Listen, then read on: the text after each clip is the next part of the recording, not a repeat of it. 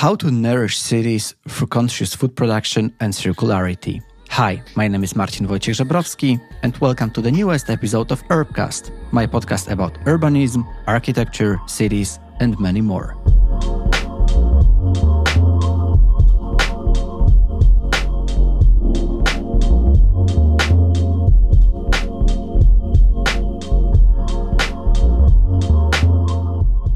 I am extremely happy to welcome you in the fourth season of Urbcast, my podcast that I created out of curiosity for cities, for architecture, for design around us.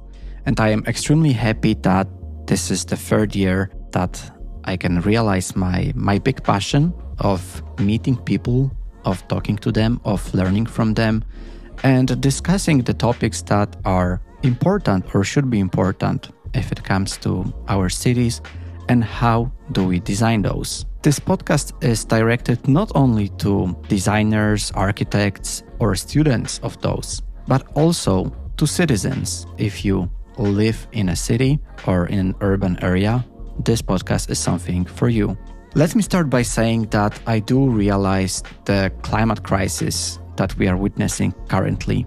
And this will definitely be one of the biggest challenges for us as a society. And this gonna be one of the key topics, one of the key backgrounds for the stories covered this year in the podcast. We will start by talking about food production in our cities and how can we use the term of circularity to be more resource conscious.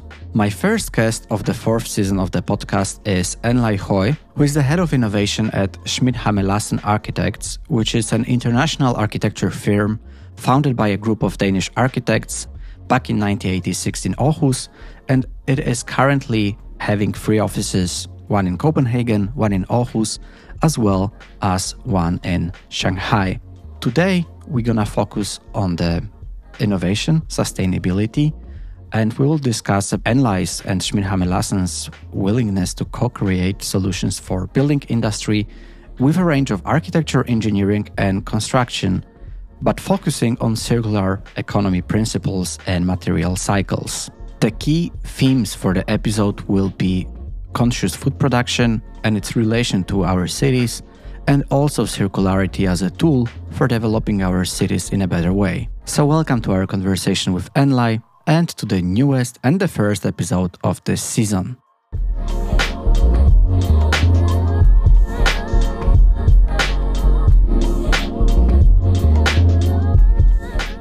Welcome, Enlai. Thank you for joining. Thanks very much. Thanks for having me. I'm happy that you are enriching the Urbcast program, the Urbcast agenda, discussing about cities and discussing about how can we make our cities a bit better places to live. We are both uh, based in Copenhagen, and this is a city that is uh, truly inspiring. I feel like Copenhagen is a is a really nicely developed city with a lot of potential. When you're a design practitioner, I don't think that there's any place that will fully satisfy you.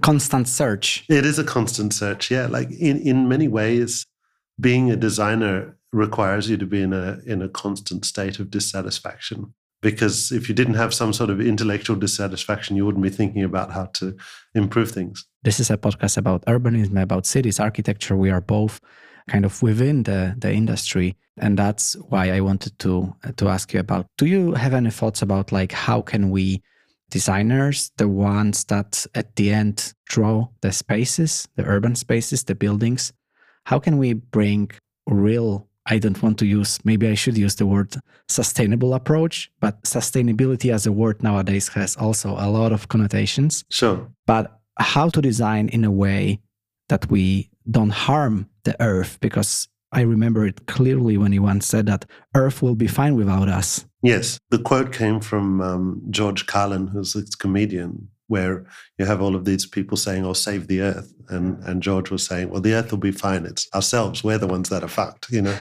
it's smart because you know the Earth has been through extraordinary like temperature changes, and you know proportion of CO two in the atmosphere has been higher than it is projected in 2050. It's just been a place that's been uninhabitable for human beings. Like if we were any in any of these parts of its Earth's history, we we wouldn't really survive. So the Earth goes through these cycles. They've all been sort of natural cycles until we've come along.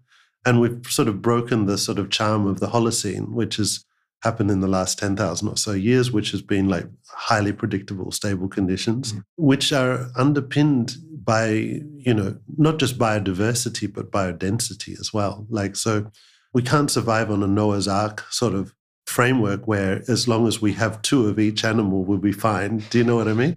It's it's all about the services that these animals plants fungi etc produce for us that allows the holocene to exist. Weather is not disconnected from life. Weather is created by life. So when we lose this biodensity and we lose this biodiversity we lose the ability for the weather system to remain stable. And I think a lot of people are losing sight of that, that we're doing in the food production system that we have. We have doing terrible things for the nitrification of the oceans and the agrogeochemical cycles. We're doing really bad things for sort of genetic diversity when we grow food in fields and we only have single crops and how we use pesticides and and uh, mine for those and create toxins in our seas.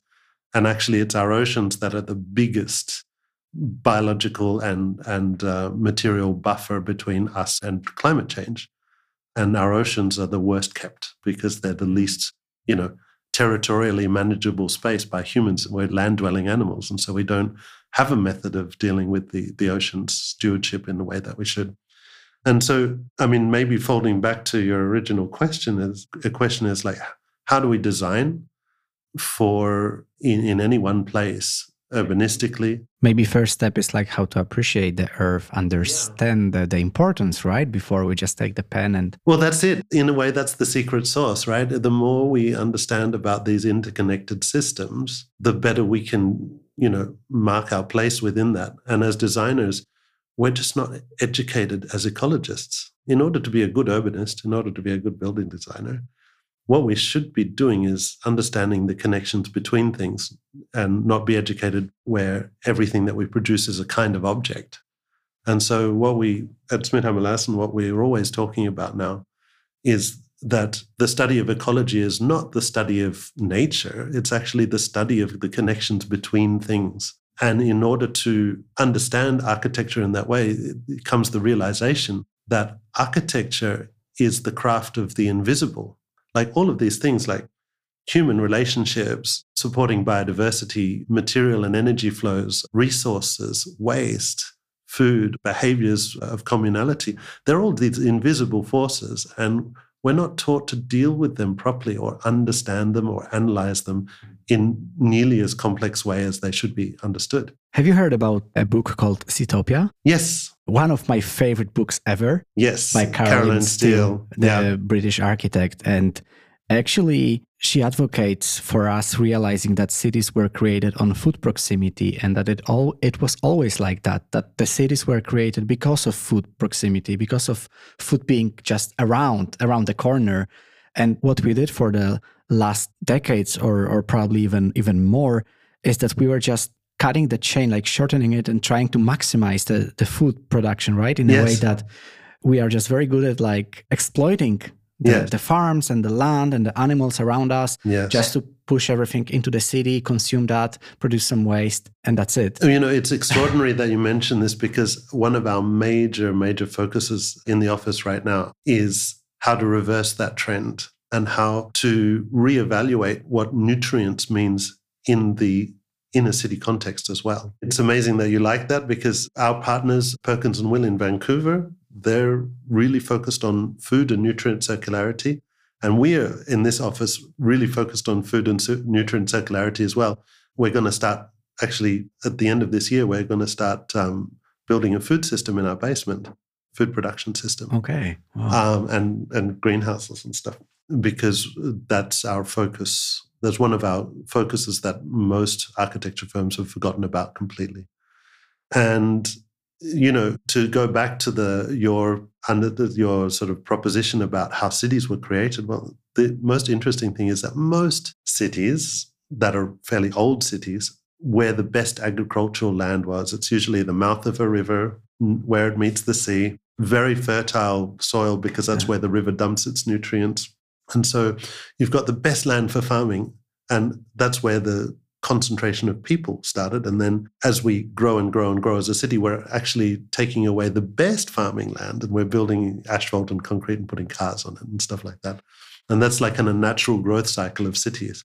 But the real problem starts where we don't seek to fulfill our nutrient needs from around the city, but we start to look at, you know, global commodity prices of you know bananas grown in the Dominican Republic and rice grown in Australia or you know corn grown in the USA in order to find the lowest price. And this is problematic because you've got a situation where what I believe we like as human beings is novelty and diversity and taste and nutrition and all of these things that mean something to us and what supermarket systems are trying to do is buy the thing at the right size, weight, shape, and color from the cheapest location on the earth. Mm. And in order to reduce waste as a supermarket system, what they want to do is try and limit the options that we have in order to buy what we need. So there's not 12,000 types of corn, there's two types of corn, and one of them is genetically modified. And supermarkets would say that if you want to reduce waste, you limit choice so that the amount of stuff that we offer to you, you choose some of it and less gets thrown away. But if you could imagine a system where if you as a human being wanted more interest and more taste value and more nutrition, then you ask the person who's growing it, which is who's living next to you, mm. to supply that. That means that you'll get this natural diversity occurring where the demands of that particular local area and those culture and food habits and those needs and tastes would create variations just you know nearby very locally to where it's being asked for mm. and if you're the grower yourself then you're the one that you know is creating your own demand you're creating your mm. own needs and so instead of the supermarket saying do you want it if not we throw it away and there's always a proportion of waste a big uh, one. A huge one. And instead, what if you just grow the stuff that you like, or your friend grows what you like, and you harvest it when you need it? This can't supply everything that a city needs in terms of calories, but we should be looking past calories and into nutrients and taste and flavor. And that's where we should be working, I think. And to balance that, on the other opposite side, you've got the you've got buildings where only 2% of the nutrients that come into the building get used productively. 98% of those nutrients uh, get, you know, dumped as food waste or leave down our sewers or get, you know, literally just thrown away and have to be dealt with with a municipal system. And none of the value that comes from those nutrients are actually reinvested into farming or food production, mm. which you know some municipalities are better at you know creating biogas and then using the rest on farms but there's so much more that we could do with what we waste on site. And that's why for me production of food in the city is is not just about creating diversity and interest and you know all of these variations that you know can create resilience but also the idea that we'll start to treat our nutrients as something valuable and if we can't use it ourselves, maybe the market gardener at the edge of town can use it. Mm. And this is not a crazy thing because, like, a guy named Paul Klerdal from Copenhagen just wrote a book called 500 Years of Urban Farming in Denmark. And this was always the case that, you know, nutrients were treated in the medieval times as being quite valuable and used for food production. So why not now when we've got health technologies that are just way beyond what we had in the medieval times?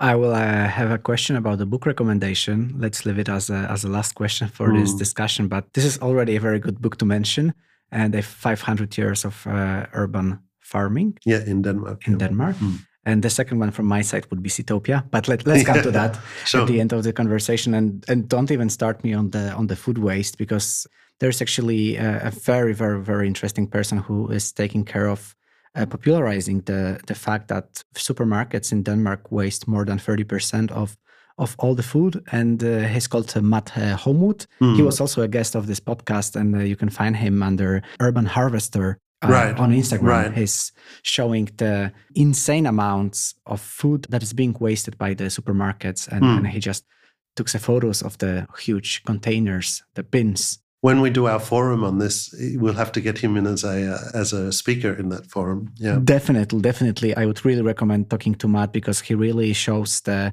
the stupidity of how we waste our extremely extremely important resource mm. which is the food and i'm happy that we kind of diverted into this this topic because i think that what i would also like to bring to to my listeners of this podcast is this kind of a food awareness but not in a way that maybe you know a hamburger from mcdonald's is not that good and mm-hmm. and, and, an apple is better but this kind of food consciousness in a way of like how the food lands on our plate mm. what does it take to produce that food mm. and and where is the food coming from because this is something uh, until I, I, read this book mm. of uh, Karen, Karen Steel, Steel yeah i've never even thought okay this meal that i'm eating tonight where is it even coming from? Mm. what was the kind of the whole cycle of that coming to my plate? Right. There's a lack of trust as well. Like you know when people start to ask those questions and they start to see you know documentaries or warning labels on food saying you know this might contain mercury or you know like nickel or stuff like in in the food labels that's where this sort of like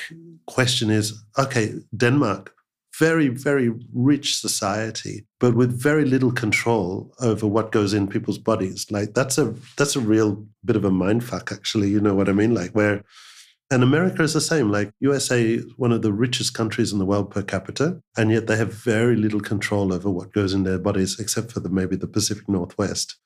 But there is this like almost cognitive dissonance between countries, advanced countries that have a lot of control over the rest of their lives and very little control over what they're actually eating. That's a problem.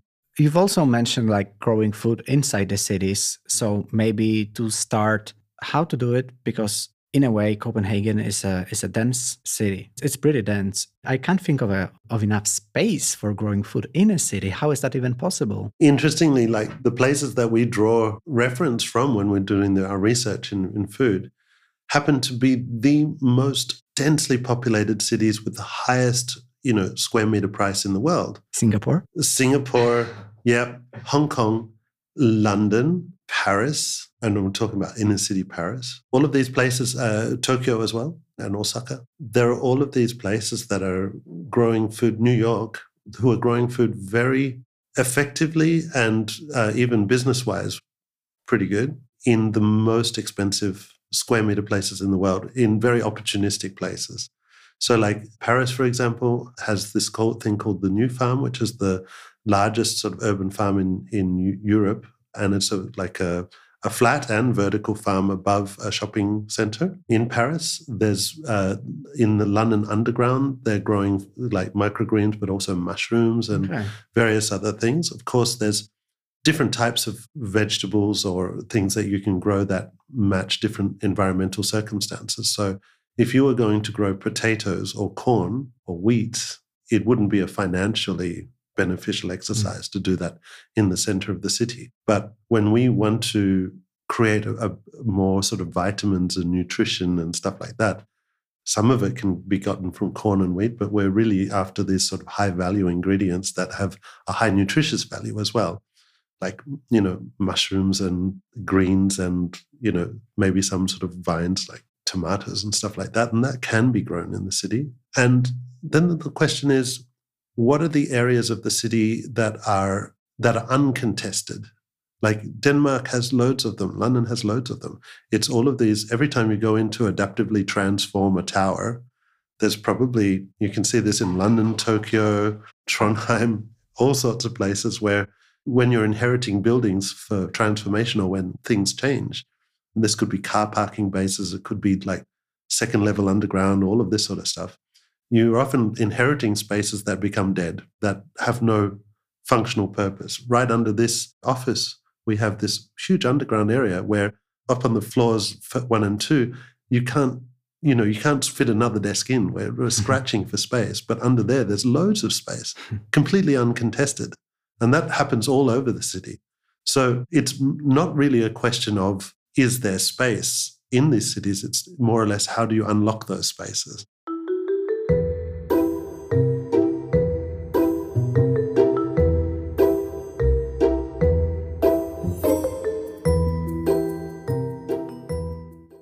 And how you do that? Because, like, it's easier said than done Mm. and that's that's something that you might also experience while designing right so you Mm. have first have this vision and then you sketch and then you think okay that's going to be pretty nice and then you start drawing it you start measuring that and then you say okay it's not looking as i as i really thought about it uh, that, that it can look Right. so would you have something to to share about that and i know it for a fact that there are also some designers listening to us so maybe it could have some kind of a form of a recommendation as well like how to design those in a way Yeah, I mean it's it's really interesting because often when you're an architect, there's many layers of information between you and decision making, right? When you go into a schematic design, anything's possible. When you drive down to design development or when value engineering comes, all of these sorts of things, a lot of things get sort of stripped away. yeah And so the problem is that what architects are very bad at doing is analyzing and supporting a business case for the things that they're doing. Because they,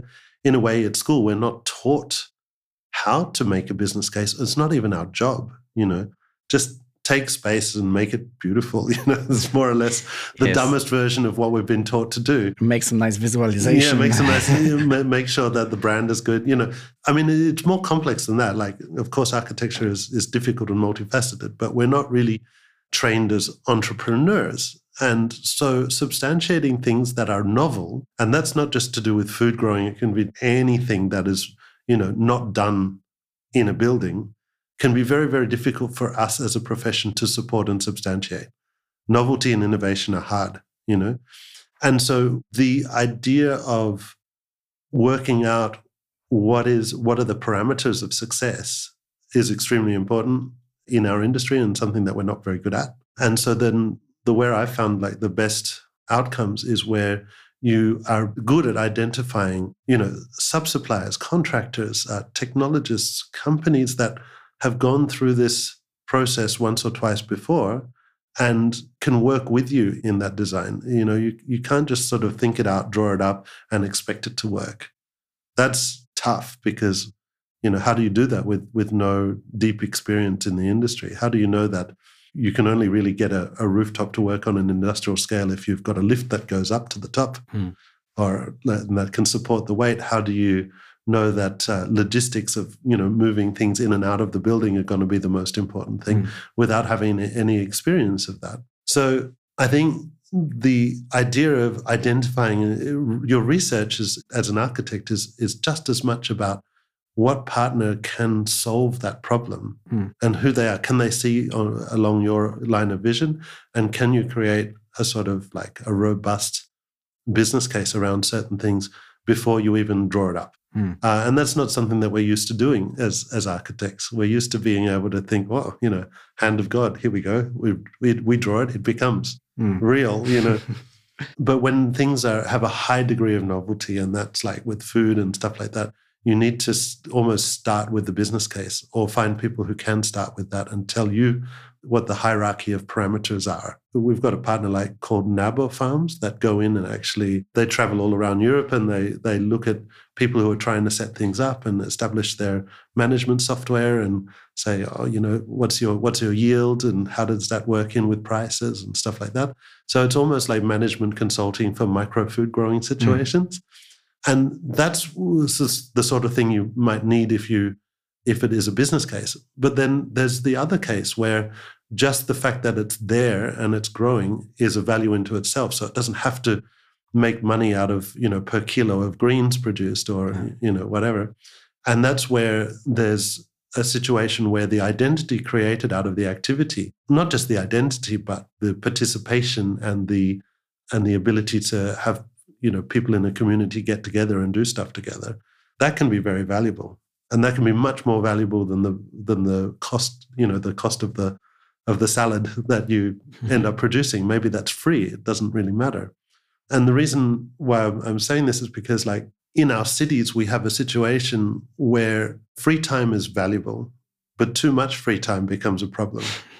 You know what i mean? Like you know if you're not otherwise engaged and you're lonely or you have too little going on in your, in your social life, then you become a problem for other people who just want to see you in small proportions or whatever. Um, and there are we're living next to nearby people who have that problem in our space, and there's no solution for that. There's no way of them contributing to the community in a way that gives them status benefits, etc. But when you have something which is productive, and it doesn't have to be food, it could be like you know a bike repair workshop, it could be anything that sort of benefits the group as a whole. Then there's value for time. I think food is one of the most interesting ways of doing it because it innately ties in with you know nobody will refuse nice vegetables or greens you know if they come to mm-hmm. your door people are going to value the people that spend time on those things. Food is an in, innate part of culture. So if you've got diverse group of people that have to start living together and like each other, food is a perfect conduit for that. So there's so many, and and when you're, say, for example, have a development, if you're like a a developer and you've got a plot where you know nine out of ten plots that are being developed around the city are just like yours, then how can you distinguish yourself? How can you say, well, this creates an identity or this pre-selects people who who find something new which is valuable that they can't find elsewhere. Those things you know food is amazing for that because there's always a way in which it can be tuned to a culture. It's not like if you put a swimming pool and you find that mm. oof, actually people don't really use it and they don't care and it's a it's an expense. People will always find a way to make food you know work for them in the way that mm. they want as long as the system is put in a way that's flexible and participatory enough.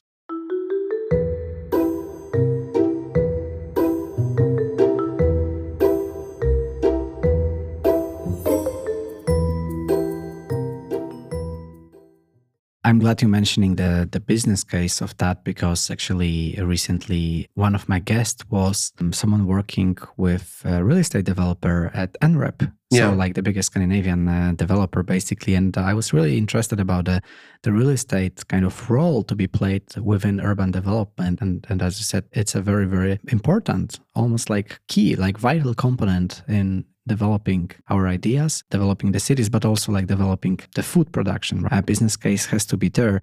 But to kind of close the loop, I would like to add last component, which will be about closing the loop, because I'm wondering how could we integrate in all of that that has been just said circularity. So basically, all the things that we discuss that are being produced, whether it is the food or we are we are actually we should be talking about the circular buildings as well, right? So mm. in a way that we don't waste all the resources. And I know that circularity is, is a topic that you have a, a big knowledge of. How could we integrate cir- circularity, whether in our design work as designers, urbanists, and so on, but also maybe in our life as citizens, as human beings? Yeah, circularity is is interesting a topic because it's so broad that Mm. You know, you could you could spend three hours talking about just that. so it's a hard thing to wrap up, you know, with with just that term. There are two sort of factors of circularity that are conceptually really important. Number one is that waste as a term should not exist. So everything becomes a nutrient for something else, right? And architects and designers of, in the building industry have been struggling and sometimes quite successful in focusing on and looking at how materials become circular or how components become circular.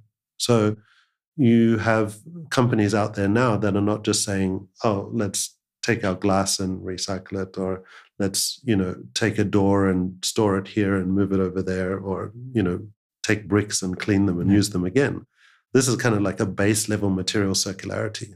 But if you think about circularity and it's the second concept of circularity, and perhaps the most important concept of circularity, is not just that materials get re- reused or recycled or upcycled, but that you try and keep things at their highest form of complexity before you break it up and before you start to try and recycle those things. Mm.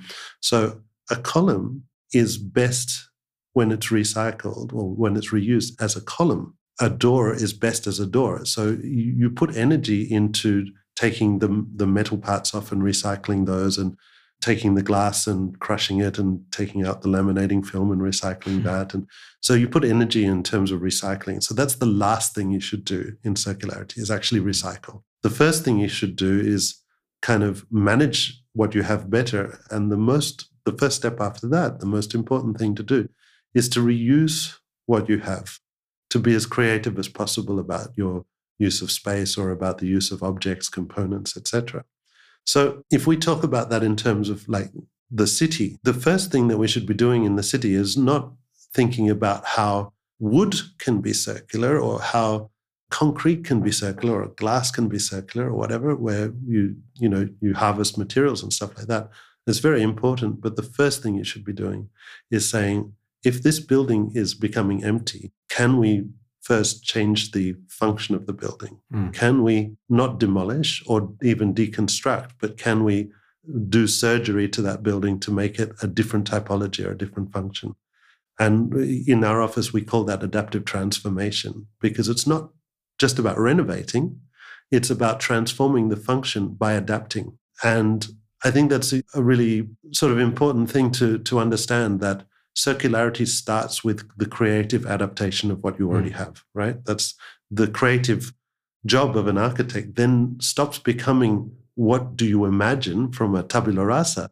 The creative job of an architect is imagining what an existing situation could be leveraged mm. into what it could become and not just what it could become once, but what could it, what could it become first time, second time, third time, as it changes according to the needs of the users. Mm. So for me, adaptive transformation is a much higher level of circularity in architecture and in cities than, say, for example, material reuse and recycling, even though they are ex- also extremely important because sometimes you can't do that. But there's not enough focus on adaptive transformation. Then the second thing about circularity is actually, in a way, the circularity is not just about buildings as an object and the end of life. It's about how mm. uh, the object uses and consumes not just energy and, and water, but also food nutrients, you know, the wastewater and the heat from that, all of those sorts of things. So, what we've been focused on in the building industry is, and all the certifications are based on this. It's like, you know, how much energy do we use for heating? How much energy do we use for lighting? How much, how much water do we use? But my question really is, how much water do we reuse? Mm.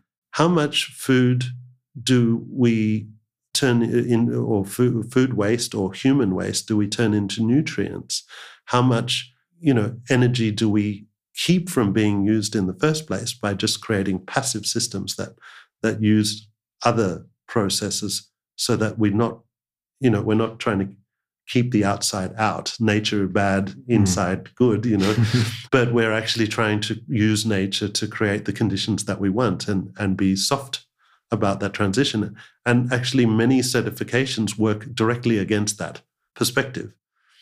And so, when we talk about like food waste, the first part of circularity is not to waste the food. And the second part is if you're using, if you've finished using the food, what can be done with that that is positive and that's where food growing comes into it and that's when water use comes into it because like you know if you're a meat eating let's say there's a there's an office or a residential tower and people eat food and waste food, then that's going to be the probably the number one waste fraction in terms of volume. That was a study in Milan that really looked at that. Number one waste fraction in terms of volume. But then if you think about how much you, water you use in the shower or the kitchen, the amount of water that's wasted when you waste food is many times that. So, in the most likely, you know, if you talk about all of the scopes, scopes one, two, and three, the most likely biggest single water use in any occupied building is food waste. The largest physical fraction is probably food waste. And the second largest CO2 fraction is food waste. Mm. And yet the building industry has none of that in its scope, and none of the certifications seek to measure that. So I think that we as a building industry have to stop drawing a box around the building as a separate entity as if as if the people in the building didn't matter mm-hmm. and start looking at the behavior of, of, people in buildings and what waste they produce in order to get a full picture of how cities perform and so then you know, food waste, energy use through plug load behaviors, the way we take a shower, the way we behave, these things are not really tackled properly in architecture. Hmm. Okay, definitely circularity is uh, is a very broad topic, and then we could spend another podcast episode or two, yeah, uh, talking about it only about about circularity within the industry, but also outside. But who knows? Maybe that gives us a chance to meet again in the future and record another episode on specifically about that. But for now, to wrap it up, as I mentioned before, I would love to ask you for a book recommendation. We already mentioned two books that I can always add into the episode description, add the link to it. Would you have anything else to, to recommend to the listeners? I mean, if you want something that eh, that's a bit more literary. My requirement would be that it could be more or less connected to the topic of our discussion. Yes. I think The Overstory, I think the author's name is Richard Powers, is a really interesting book insofar as it's it's not an analysis. It's not like it's not nonfiction like Sitopia or Hungry City or you know 500 years of urban farming in Denmark, but it does maybe make us sensitive to the deeper connection between us and nature. Mm. And it's a gorgeously written book. It's like just amazing. So the Overstory is is worth a read. Thank you for that uh, recommendation, Enlai. And thank you for sharing all your expertise and knowledge with me and the listeners of this podcast. I'm happy that we really touched upon the, the topic of food. Well, I mean, uh, thank you very much. And I mean, maybe in the next podcast, it would be cool to hear your thoughts about all of these things. We, we got some of them in there. I know I talk a lot, but it would be really nice to have you present and I could do the interviewing maybe. Definitely, we can just change Switch the roles, switch the roles for the for the next time. I'm up for that.